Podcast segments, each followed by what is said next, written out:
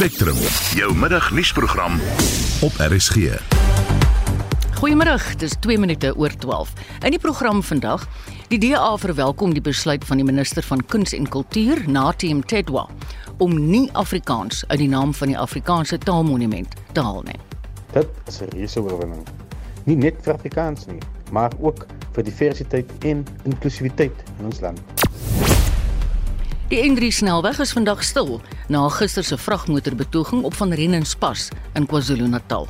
If these guys have identified to the Department of Labour that there are problems in terms of employing illegal, undocumented, call them what you want, foreigners in preference to citizens, why have you not taken that information to the Department of Employment and Labour and put pressure on the Department of Employment and Labour to deal with those employers who don't want to abide by the law? En die Menseregte Kommissie besoek haweloses in Mogale City aan die Wesrand wat amptenare van die stadsraad glo mishandel het. Baie welkom by Spectrum op hierdie wonderlike Vrydag onder redaksie van Hendrik Martin. Die produksieregisseur is Johan Pieterse en ek is Marieta Kreer.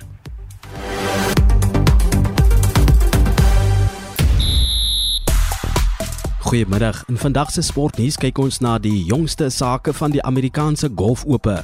Die Bulle kies VRK 5tal vir vanaand se Curriebeeker halfeindstryd. Ons kyk ook na die VRK eindstryd tussen die Bulls en die Stormers môre in Kaapstad en die Protea mans en vroue kriketspanne vandag in aksie.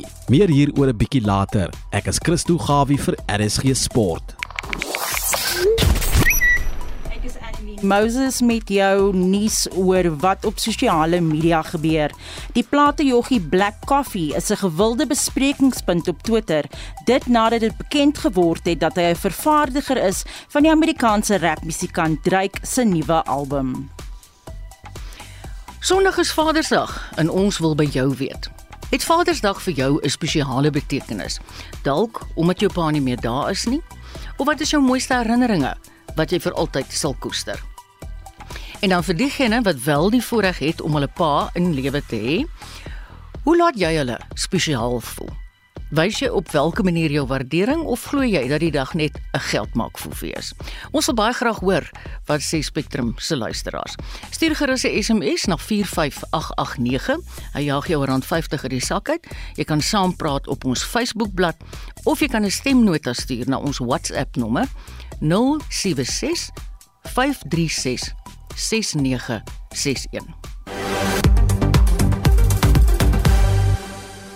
8.5 minute oor 12 welkom terug by Spectrum. Soos ons in die hooftrekke gehoor het, het die DA die besluit van die minister van Kuns en Kultuur, Natim Tetwa, verwelkom om nie die naam van die Afrikaanse Taalmonument in die Parel te verander nie.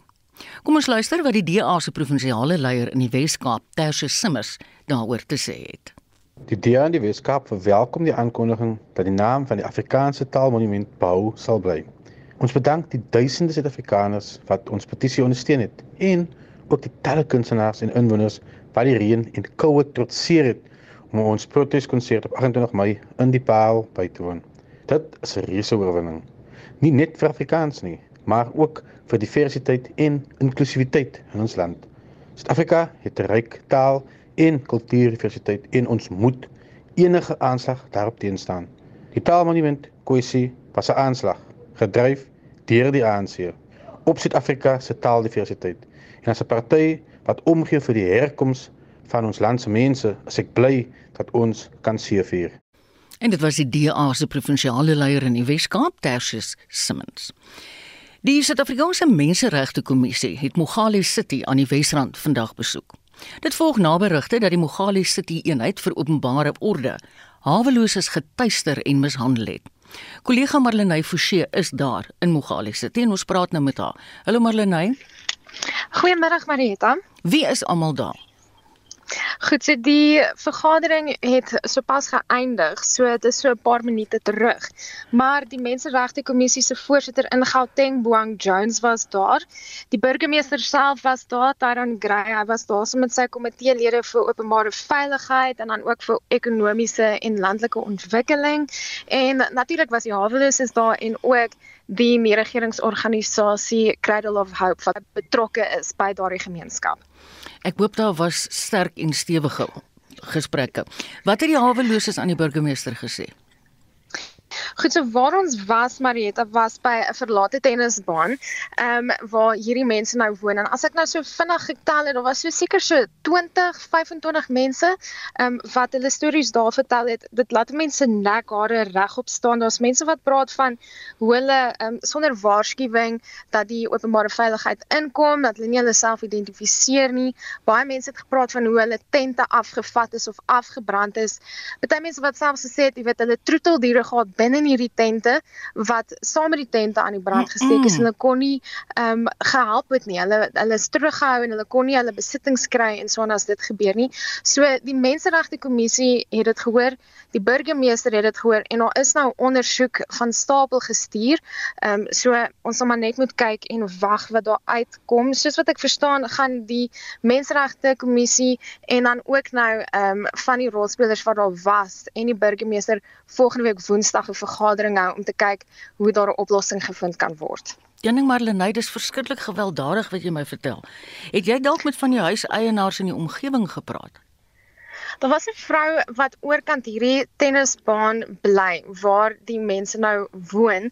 Ehm um, sy het aan my gesê elke keer as daar probleme is, dan gaan die haweloses na haar toe, maar sy praat van die haweloses as haar kinders. En dit is vir haar baie ontstellend. Ehm um, sy was skoon in trane geweest en wat sy toe nou vir my gesê het is sy wil eintlik veilig met hierdie mense wat daar woon, want hulle verhoed ander ongeruimthede om plaas te mm. vind omdat sy so goeie verhouding het met hulle. So sy sê mm. as nou hierdie mense gaan verjaag, dan gaan sy heelwat minder veilig voel, sy gaan bekommerd wees oor hierdie hawelose mense wat nêrens heen het om te gaan nie. So dit daar is verskeie elemente hier betrokke, verskillende ehm um, gesprekke wat gevoer moet word. Baie komplekse situasie. So ons maar net moet wag en sien hoe dit uitspeel. Maar ek moet tog ook sê Marlenae, jy het in 'n groot mate hierdie week hierdie hele storie gedryf. En ek is verskriklik dankbaar vir wat die mense doen vir Cradle of Hope. Want uh, waantoe anders moet hierdie hawelose mense gaan? Goed, so dis sekerlik nog nie die einde van die storie nie, maar baie dankie tot dusver. Dit was ons kollega Marlenae Forsie in Mogale City. Dis letterlik op die kop kwart oor 12. Die Boipatong slagting waarin 40 mense dood is, het vandag 30 jaar gelede plaasgevind. Die slagting het die destydse Kodesa samesprekings tussen die Nasionale Party en die ANC byna laat skebreek lê, nadat die NP daarvan beskuldig is dat hy vir die sterftes aanspreeklik is. Daar is destyds beweer dat die klopjag in Boipatong deel was van die Suid-Afrikaanse weermag se operasie Marion. Ons praat nou met die navorsingsprofessor aan die Noordwes Universiteit se Sakeskool, Andrei Dievenage. Goeiemôre Andrei. Môre Marieta. Wil jy nie net vir ons terugneem na die politieke speelveld in die begin van die 90er jare met die Kodesa onderhandelinge nie en die impak wat die Boipatong slagting daarop gehad het? Maar het ons moet onthou dat uh, met daardie onderhandeling het ons eintlik 'n era van dekades se konflik. Het mense weer bymekaar gekom, verhoudings was baie baie sensitief gebalanseer en dit was 'n baie onseker grond. Nou enige insident het die potensiaal gehad om daai samesprekings en gesprek te ontwrig. En as ons nou terugkyk na Boy Patong, dan was dit inderdaad 'n insident wat die vertroue geskend het tussen die daardie tyd se nasionale party regering en kom ons noem dit die breër wit establishment aan die een kant en dan in besonder die ANC. En hier moet ons net onthou dat die ANC was in KwaZulu-Natal in daai tydstip via die naam van die UDF betrokke by 'n ernstige konflik met die IFP waarin daar so wat 30000 mense gedood is. En hier het ons nou 'n situasie en onthou die ou regering is beskuldig dat hy die IFP ondersteun. En hier het jy nou 'n situasie waar 'n klomp Zulus van die Kwamadala hostel omtrent 1 km van Boipatong as dit ware met wapens by Patong ingaan sowat 40 mense dood en onmiddellik het dit verrykende implikasies op die integriteit van onderhandelaars gehad op die politieke proses en so meer ons moet natuurlik onthou dat 'n jaar omtrent 'n jaar later was daar ook die moord op Chris Hani wat die proses mm. ernstig ontwrig het Ja, ek wil nog by Chris Hani uitkom. Andre destyds is ondersoeke gedoen wat die polisie en die nasionale party se rol in die Boipatong slagting ondersoek het. Wat het hulle bevind? Wel, daar was meer as een ondersoek, maar waarskynlik die belangrikste ondersoek was die ondersoek wat via die Goldstone kommissie verrig is onder die naam van Peter Weddington en hy het 'n verslag gelewer omtrent 'n maand verder op 22 Julie 1992 en daar is geen polisie betrokkenheid kon bevestig word. Maar nou moet ons onthou dat politiek werk baie selde met feite. Hy werk veel eerder met mense se persepsies van situasies en persepsies oor feitelike werklikhede. En ja. wat die ANC hier gedoen het, was om die nasionale party en die wit establishment, die regering van daardie dag eintlik in die beskuldigde bank te plaas en in die beskuldigde bank te hou. Daarom was die boypap tong slagting vir my eintlik die kritieke punt in die onderhandelingsproses waarin die ANC psigopolities mm. beheer van die proses geneem het en die regering kon eintlik nooit weer die moreel hoë grond herstel nie en vorentoe was dit afdraande geweest en moes EW de Klerk en sy regering verskeie toegewings op verskeie vlakke uh hanteer. En in daai sin was Boipatong 'n baie belangrike draaipunt. Maar soos ek gesê het geen aanduidings van polisie betrokkenheid of polisie uh orkestrasie van daardie geweld nie, hoewel daar histories bande tussen die veiligheidsinstellings en die IFP bestaan het in terme van die oorlog in KwaZulu-Natal. Jy het nou net na Chris Hani verwys. Hy's minder as 'n jaar na die Boipatong slagting op 10 April 1993 vermoor. Sou jy dink dit het die politieke proses in die oploop na die 94 verkiesing beïnvloed? Ja, ongetwyfeld het dit 'n invloed gehad. Ek kan natuurlik ook in retrospek sê dat die Kodesa proses is op 'n stadium opgeskort en daar was 'n tussenstadium voor dit weer hervat is in terme van die veelparty konferensie van daardie tyd, maar die Chris Hani insident was 'n is 'n baie belangrike insident en hy het groot implikasies gehad vir die politieke establishment van daardie dag. En onmiddellik het dit rasse spanning geaktiveer tot by die ekstreem en was die hele proses eintlik op 'n mespunt gebalanseer.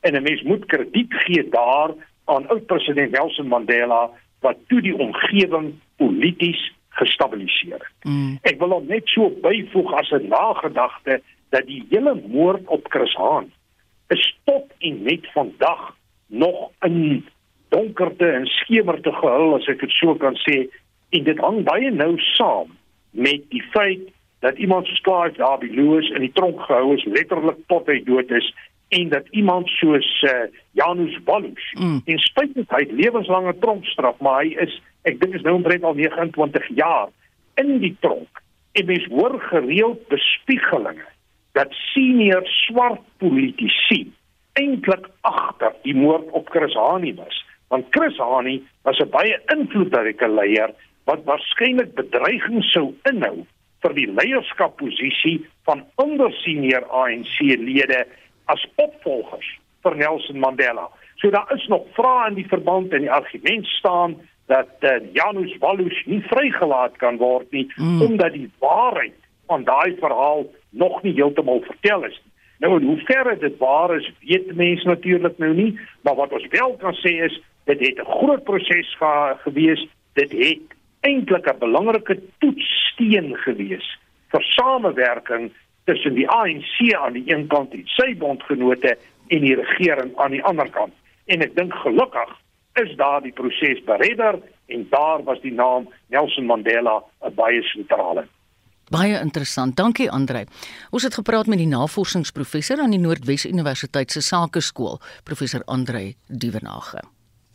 Die FAK en Erfenis Stichting het gister by 6 konsentrasiekampterreine landwyd kraanse gelê om die duisende mans, vroue en kinders wat in die kampe tydens die Anglo-Boereoorlog gesterf het, te herdenk. Ons praat nou met die kommunikasiebestuurder van die Voortrekker Monument, Gerard Pretorius. Goeiemôre Gerard. Goeiemiddag Marita, hoe gaan dit? Wie by ons dink ek gaan dit nie so goed soos daar by julle nie, want julle het nou gister 'n groot dag gehou. Dit was 'n baie suksesvolle dag, 'n dag in nabetragting. Mens mag nooit sê dit dis goed nie want uh, dit is 'n emosionele dag en daar is 'n heel klomp mense oorlede, maar ons is verskriklik trots op die werk wat ons persone wat in ons FHK se kultuurnetwerke uh, um werk en die werk wat hulle daar doen. So in daardie opsig gaan dit baie goed. Gerard, kan ek jou vra, hoekom het julle spesifiek 16 Junie gekies? So 16 Junie 16 Junie 1900 het uh Lord Frederick Roberts het hy die verskroeide aardebeleid aangekondig um onder die Britse regering. En natuurlik die verskroeide aardebeleid is waar daar deur die land gegaan is en daar is sowat 30000 plase vernietig aan die brand gesteek. 60000 huise is absoluut platgevee van die aarde af. Um as gevolg van hierdie verskroeide aardebeleid um omdat die Britte sover oorlewering en geskiedenis vertel um dit is 'n baie groot bedreiging gesien het. En ons doen juis die 16de Junie wat ons doen konsentrasiekampdag het want konsentrasiekampe het natuurlik gevolg na die verskroeide aardebeleid. Mm. en dit was dit is juis hoekom ons uh, die 16de Junie herdenk as konsentrasiekampdag. Gerard waar het julle oral skraansleggings gedoen So ons het by 6 konsentrasiekampe. Kyk, ons moet dalk 'n stapie terugvat en en en sê daar is 46 konsentrasiekampe um waar wit persone en kinders um aangehou uh, kinders, uh, vrouens en mans aangehou is. Maar daar was ook 66 konsentrasiekampe waar swart persone aangehou is tydens die tydens die Anglo-Boereoorlog tyd van 1899 tot 1902. So dit is baie belangrik om daardie konteks te onthou baie van daardie konsentrasiekampe het reeds vervalle gegaan en is is effektief tot nie. Maar ons het spesifiek gegaan na die Kroonstad konsentrasiekamp, ehm um, die Vereniging konsentrasiekamp, die Irene konsentrasiekamp, die konsentrasiekamp in Heilbron, ehm um, Vredefort, ehm um, die Vredefort weg konsentrasiekamp in Vredefort en natuurlik uit in Haag, ehm um, in die Kaap. In die Weskaap. Iets wat deesdae baie ter sprake kom is reparasies vir slagoffers. Is dit nog relevant wat die Engelse oorlog betref? Dit is dis 'n dis 'n baie warm patat om om om praat te praat oor reparasies, maar ons standpunt is net die die die voortrekkers van daardie tyd, die persone wat in daardie tyd die boere, die die die slagoffers van daardie tyd het nie gevra vir reparasies nie. So dit sal verskriklik arrogant wees om vandag hier te sit en te sê, "Maar luister hier, ons wil reparasies hê." So dit is 'n dis dis in die eerste plek kan dit 'n baie arrogante stelling wees. Um maar tog in die tweede plek wat mense moet verstaan is Hoe repareer jy vir 22000 kinders wat vermoor is? Ja. Watse reparasie kan jy bied vir dit? Dit is dit is 22 22047 kinders wat dood is in daai konsentrasiekampe. 4182 vroue 1500 bejaarde mans en minstens 14000 swart mense wat afgryslik gesterf het in daai kampe. Nou hoe vergoed jy vir daardie lewens? Dis amper onmoontlik. Mm. dit is onmoontlik in ons opinie. Die oorlog was lank 'n bron van wrevel tussen boer en Brit. Waar staan ons vandag wat versoening betref Ehm um, ek dink in hierdie mag dalk ehm um, arrogant wees om dit te stel, maar ehm um, versoening het reeds gebeur. Ehm um, ons is op 'n pad van bou.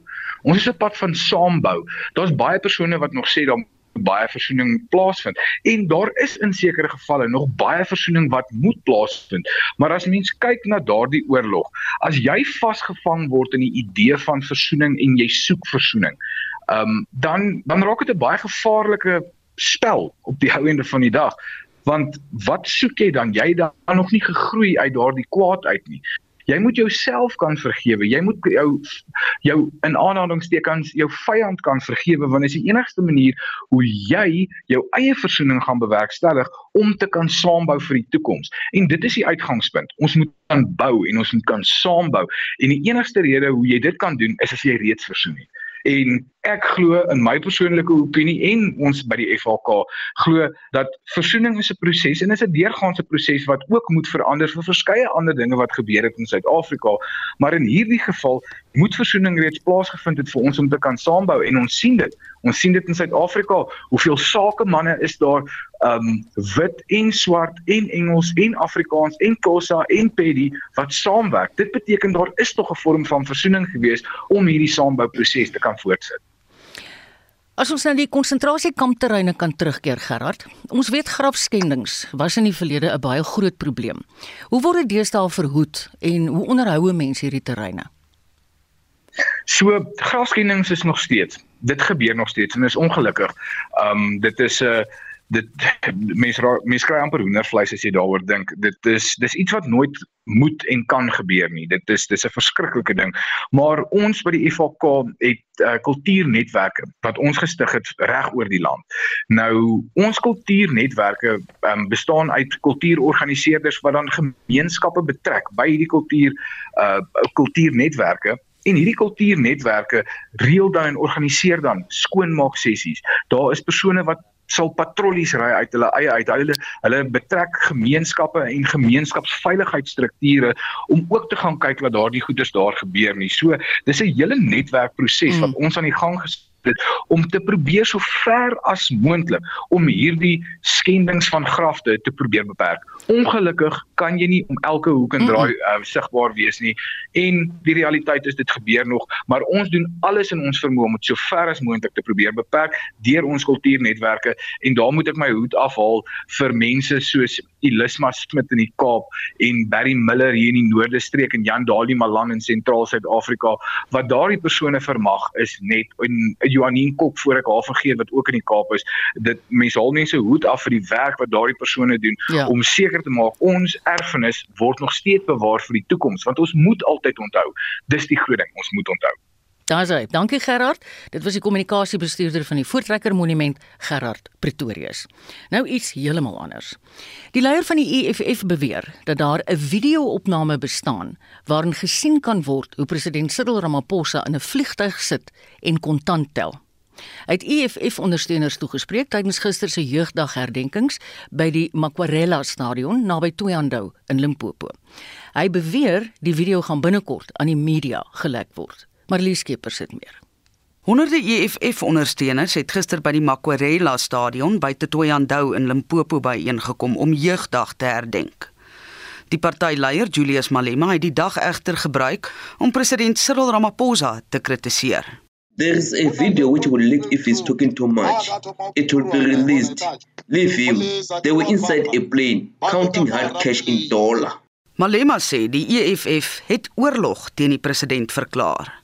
It is only the EFF that can stop the matras revolution. Ramaphosa, the motor, the EFF has declared war on him. Why?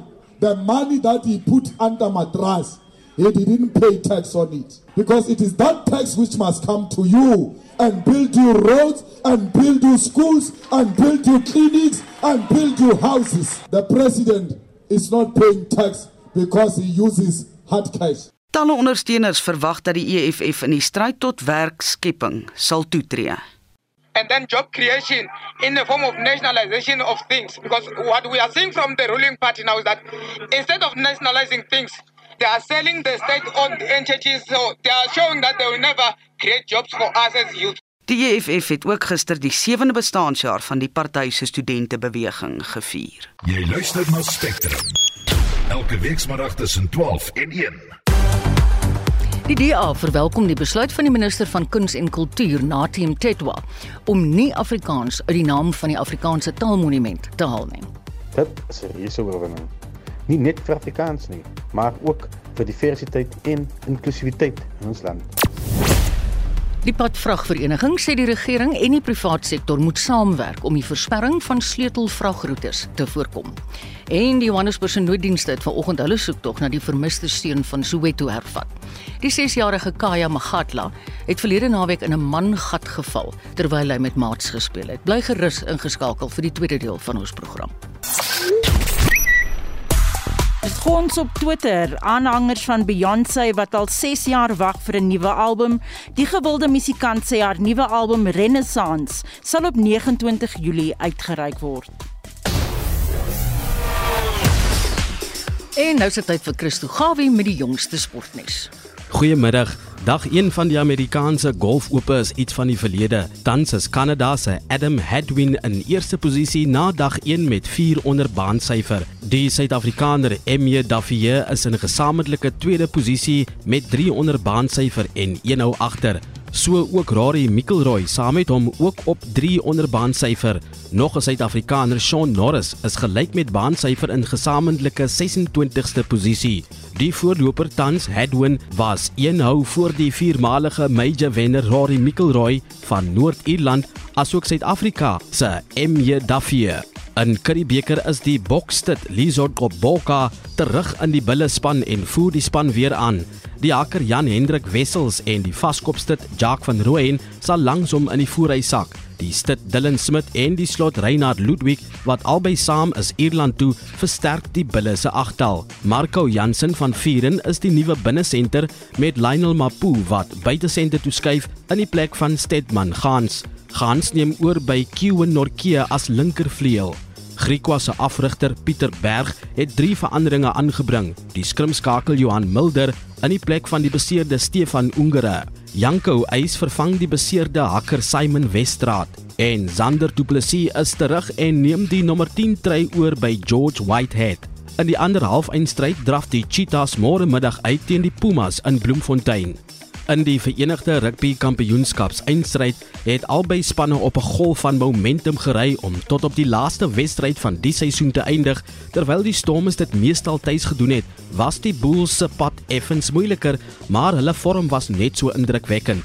Die Stormers afrigter John Dobson sal die mees suksesvolle afrigter in die geskiedenis van die Stormers raak indien sy span die Bulls in môre aand se 4K eindstryd klop. Afskop is om 08:30 op die Kaapstad Stadion. En die Proteas en Indië pak mekaar vandag in Rajkot. Dis die 4de T20 stryd. Die Suid-Afrikaners loop met 2-1 voor in die reeks van 5 wedstryde wat Sondag eindig. Lunging Gidi en Marco Jansen is die snelbouers in die Proteas se toergroep wat nog nie speelkans gekry het in die reeks nie. Quentin de Kock het reeds gister saam geoefen. Dinge lyk goed vir hom. Dit sal ook baie interessant wees om te sien of Indië sy jong blitsbouler Imran Malik gaan loslaat. En die Protea vroue het in die eerste 2 eendag wedstryde oorwinnings met 9 paaltjies behaal terwyl hulle die lang pad na die 2025 Wêreldbeker vir vroue kriket begin. Die besoekers het 'n ontasbare voorsprong van 2-0 in die reeks van 3 wedstryde. Hierdie wedstryd het net voor 12 Suid-Afrikaanse tyd begin. En dis al sportnuus vir nou. So sê Christo Gawie. Vier vragmotorbestuurders is gisterand in hegtenis geneem nadat hulle saam met talle ander vragmotorbestuurders 'n gedeelte van die N3 hoofweg versper het. Die padvragvereniging van Suid-Afrika vra die regering en polisie om onmiddellik in te gryp teen die onwettige optrede van die vragmotorbestuurders. Spectrum praat nou met Gavin Kelly, die bestuurshoof van die vereniging. Good afternoon Gavin. Goeiemôre, hoe gaan dit? O, jy kan Afrikaans praat. Ag, sy eintlik sien ja. Goed, sal sal jy my Afrikaanse vrae kan verstaan? Ja, ek dink so. Jy moet my net nie vasvra nie. Nee, ek sal nie Gavin. Ek sal nie. Hoorie Gavin, wat het onlangs gebeur dat daar nou weer hierdie oplewing is van hierdie vragmotorbestuurders?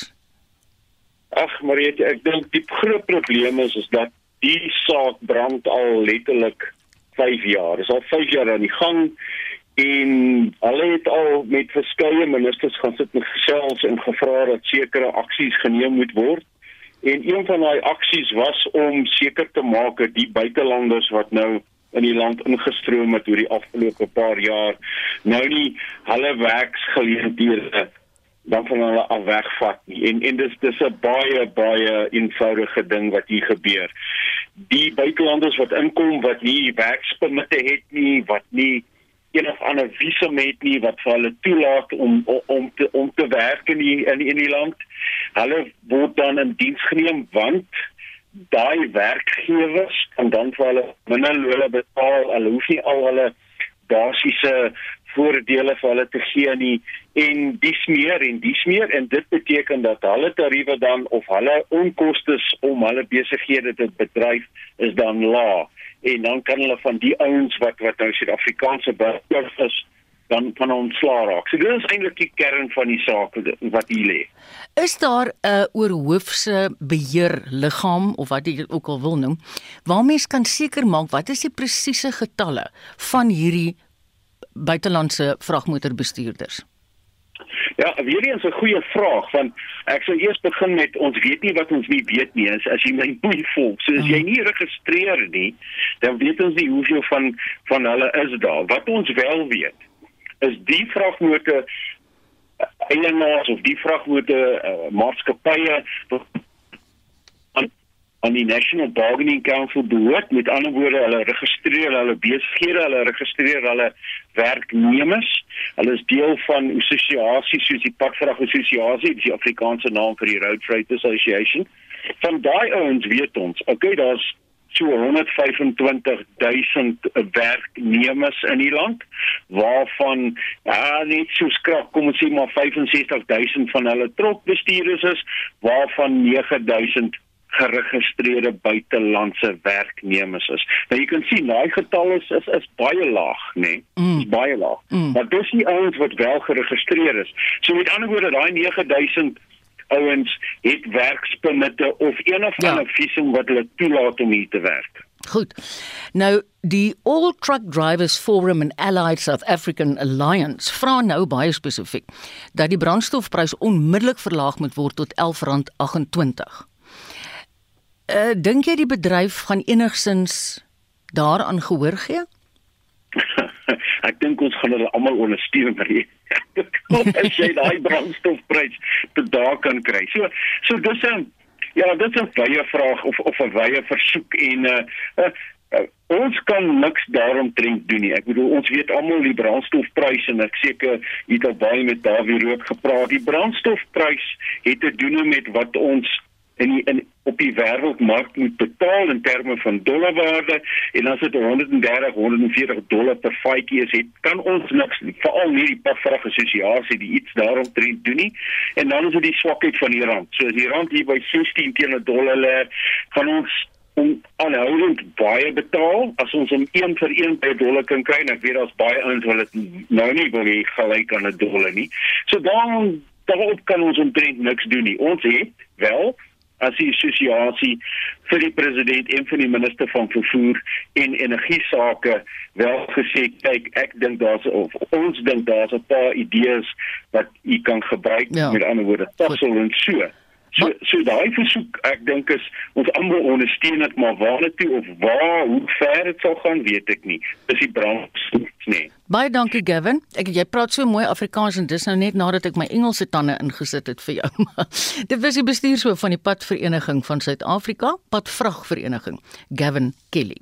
En nou praat ons met Willem Geldenhuys. Willem is die eienaar van 'n logistieke en 'n vervoermaatskappy wat al 40 jaar lank in die bedryf is. En ek wil spesifiek nou vanmiddag by Willem uitvind hoe die protesoptrede sy besigheid raak. Goeiemôre Willem.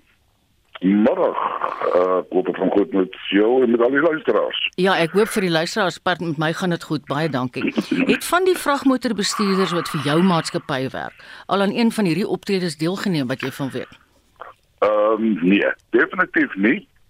En ek wil die bewering maak dat 99.999% van alle vragmotorbestuurders in Suid-Afrika ehm um, neem nie deel hier aan nie. Is nie deel hiervan nie.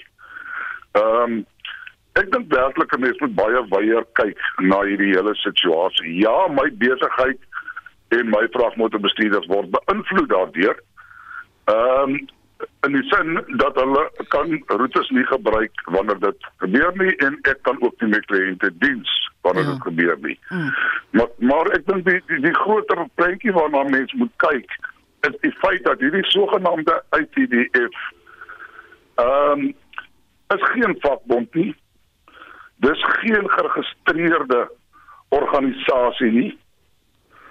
Uh dis 'n klomp gegriefde mense wat absoluut misdaad gebruik om hierdie padblokkades te hou. as ons neem ehm um, twee voorbeelde algemeen onthaalwe om 'n openbare pad te versper is 'n kriminele oortreding. Om 'n vragmotor en sy bestuurder te dwing om te stop en dan sy sleutel te verwyder, dis diefstal, dis 'n kriminele oortreding. Mm. En ongelukkig wat op die oomblik aan die gebeur is, uh ja, daar is vragmotorsbestuurders wat deelneem hieraan. Maar ek dink die uh, groot probleem wat ontstaan is daar word wel vragmotorbestuurders gearresteer wat onder dwang die paaie moes blok. Ons het gister gehoor by Howick waar hulle met AK47s uh, gedwing was om hierdie ehm um, uh, vrag uit die paaie te blok. Jy jok. Nou, as dit nie 'n kriminele oortreding is nie, wat is 'n kriminele oortreding? Het jy gister visuele met Ja. Ek dink waaroor alles gaan. Hoe kom word daar onderhandel met die sogenaamde ITDS? Want hulle hulle hulle het in die geen seggenskap nie. Dit soos ek sê, dit is 'n klomp gegriefde mense wat 'n hele land se ekonomie wil ontwrig. Mm. Ek ek kan dis uh, aansluit by die vorige spreker om te sê ek sê 99.999% van alle vragmotorbestuurders deel nie die sentiment van hierdie mense nie. So ook deel 99.9% van alle werkgewers deel nie hierdie sentiment nie. Ehm um, en neem nie uh ongepermitteerde mense in diens nie. Dit is 'n wêreldwye tendens te kort aan vragmotorbestuurders. Amerika lok ons mense soontoe. Europa, Noord-Ierland, Engeland lok ons vragmotorbestuurders soontoe met enorme salarisse. Ehm um, die wêreld is oop, die wêreld is vry. Jy kan in enige land gaan werk solank jy 'n permit het. Mm. Ek kan verstaan dat daar is ongepermitteerde werkers. Ja, ek stem saam daarmee dit is nie reg nie. Maar om 'n hele land se ekonomie tot stilstand te wil dwing. Ja. Onder die huidige omstandighede en weet ons bedryf spesifiek is baie hard geslaan deur hierdie uh, brandstof. Mm, ehm mm, um, ek kan glo. Verhooging. Dit sit 'n geweldige las op ons bedryf. Nou kom hierdie tipe blokkades wat vir daar nog uh weer die ekonomie impak. Dit impak ons direk. Ehm um, so ja, ongelukkig ek kan nie saamstem met wat aan die gang is nie. Baie dankie my, Willem. Maar my groot vraag is hoe kom onderhandel met hierdie mense wat nie eers geregistreerde ja. organisasie of vakbond is nie? Nee, dis 'n billike vraag. Baie dankie vir jou tyd. Dit was Willem Geldenhuys, die eienaar van 'n logistieke en 'n vervoer maatskappy. Nou gaan ons praat oor buitelandse nuus. Die Demokratiese Republiek die Kongo beskuldig Rwanda daarvan dat die land die M23 rebelle groep finansier en bewapen. Die groep het 'n belangrike dorp in die ooste van die DRK oorgeneem. Dit volg na 'n onlangse diepliggende rusie tussen die twee buurlande. Ons praat nou met die hoof van internasionale skakeling by die Solidariteit Beweging, Jaco Kleinhans hieroor. Goeiemiddag Jaco. Goeiemiddag Marieta. Die rebelle sê hulle het die dorp Bunagana op die oostelike grens van die DRK oorgeneem omdat die regeringsmagte dit as 'n basis in hulle stryd teen die rebelle gebruik. Wat is die agtergrond in hierdie saak en wat het nou onlangs veroorsaak dat die twee lande so rusie gehad het? Ja Marita, ek dink die huidige spanning um, is die afgelope paar weke um, redelik sigbaar veral sedert die M23 uh, uh, groepering hierdie rebelle groep uh, vroeër verjaar uh, in April eintlik weer uh, met hulle aanvalle in die gebied begin het, maar die geskiedenis daarvan strek natuurlik terug na 1994 met die volksmoord in Rwanda en die feit dat duisende uh, van die Hutus uh, wat deel was van hierdie volksmoord oor die grens gevlug het na die DRK en hulle self sedertdien daar uh, bevind. Nou hulle het in verskeie uh, soort van organisasies ge, uh, georganiseer en ook uh, natuurlik uh, in 'n in konflik getree met die die Tutsis wat in in die gebied bly. Dis nou in die ooste van die Oekraïne veral in Noord-Kivu en Suid-Kivu provinsies waar daar omtrent 'n half miljoen uh, Tutsi minderheid uh, woon uh, en en die M23 het sedert hulle in 2012 um, weggebreek het uit 'n vredesooreenkoms met die DRK ehm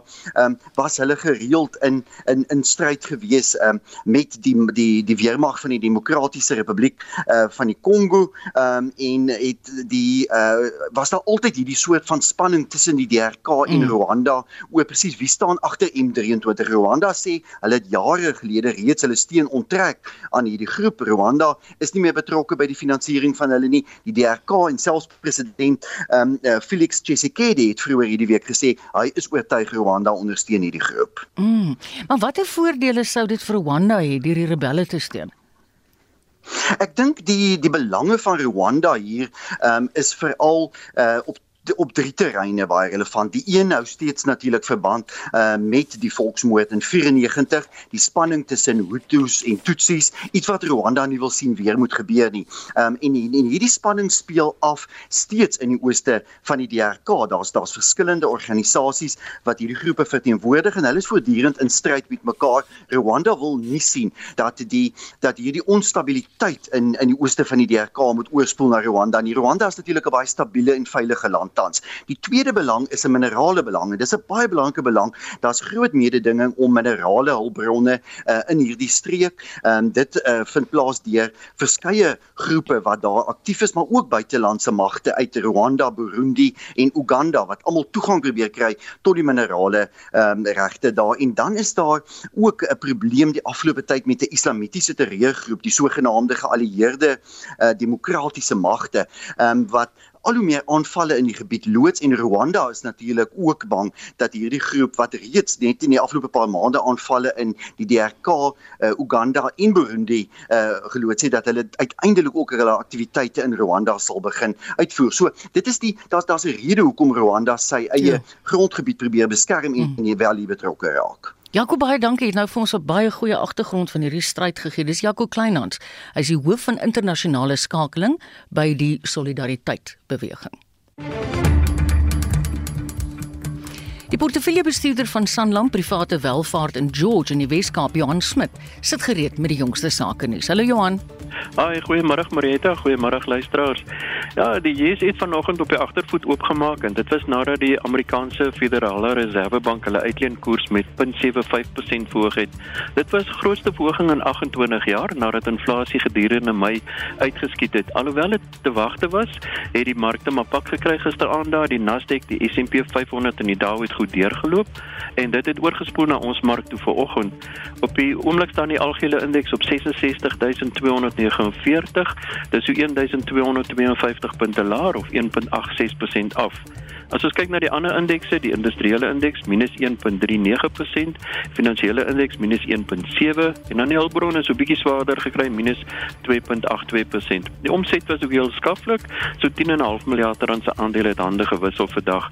Daar was nie veel noemenswaardige nuus um, van maatskappye se kant af nie. Kyk ons na die wenners en die verloorders, wel staan nogal uit vandag. Die aandele 6.8% hoër op R13.19. Mediclinic gaan nog steeds goed aan, 2.5% hoër op 88 R80.02 en Goldfields so 2% hoër op R154. Onder die verloorders, Naspers op R1800, so 0.7% laer, Sasol amper 6% laer op R385 en dan Anglo American is so 3.8% laer op R668. As ons na die noordelike halfrond toe beweeg in Europa lyk dit 'n bietjie beter. Duitse DAX indeks is so 1% hoër, CAC 40 in Frankryk 1.2 hoër en dan in um, um, Londen is die FTSE so 0.9% op op 7109 wat die wisselkoerse betref, die randkoers op die dollar koers op die oomblik R15.92, euro sal jou R16.74 kos en 'n pond R19.58. Laastens wat die kommoditeite betref, vatjie Brent olie is $120.36 per vat, platinum $942 en goud staan op $1848. En daarmee die sake nuus vir vandag Marita. Baie dankie Johan, dit was Johan Smit, portefeuljebestuurder by Sanlam Private Welvaart.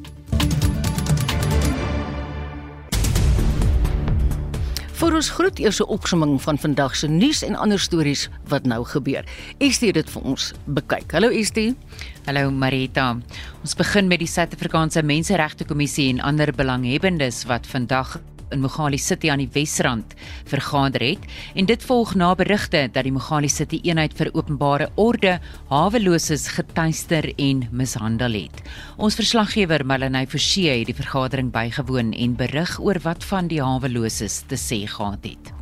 Daar's mense wat praat van hoe hulle sonder waarskuwing openbare veiligheid inkom, dat hulle nie hulle self identifiseer nie. Baie mense het gepraat van hoe hulle tente afgevat is of afgebrand is.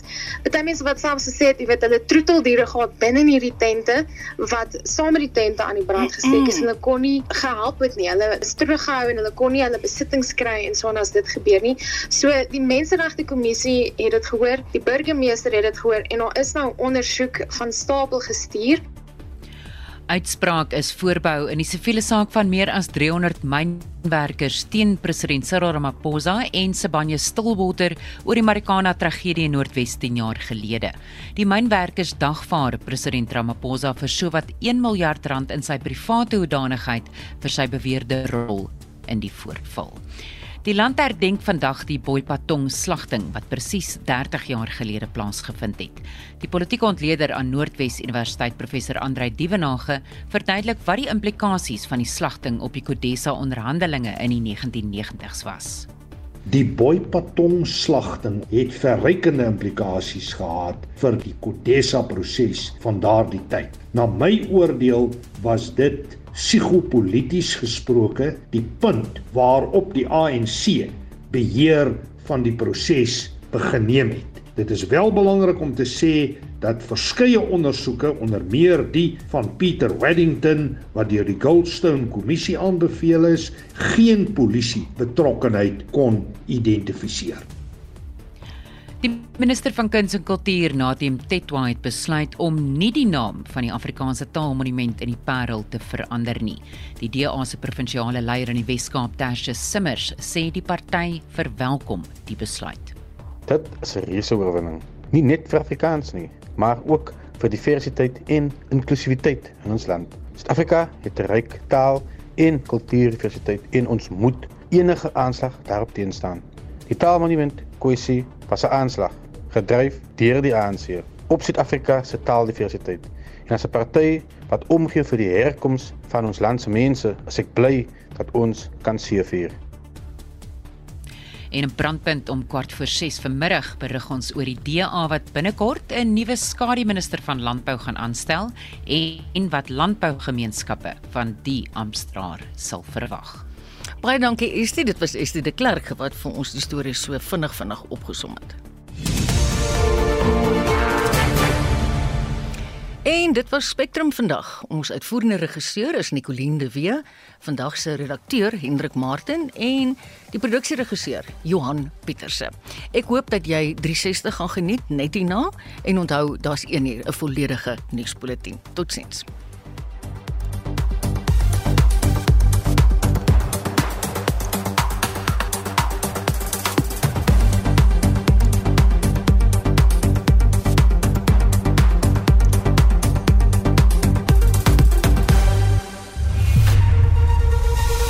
SAK nuus. Onafhanklik, onpartydig.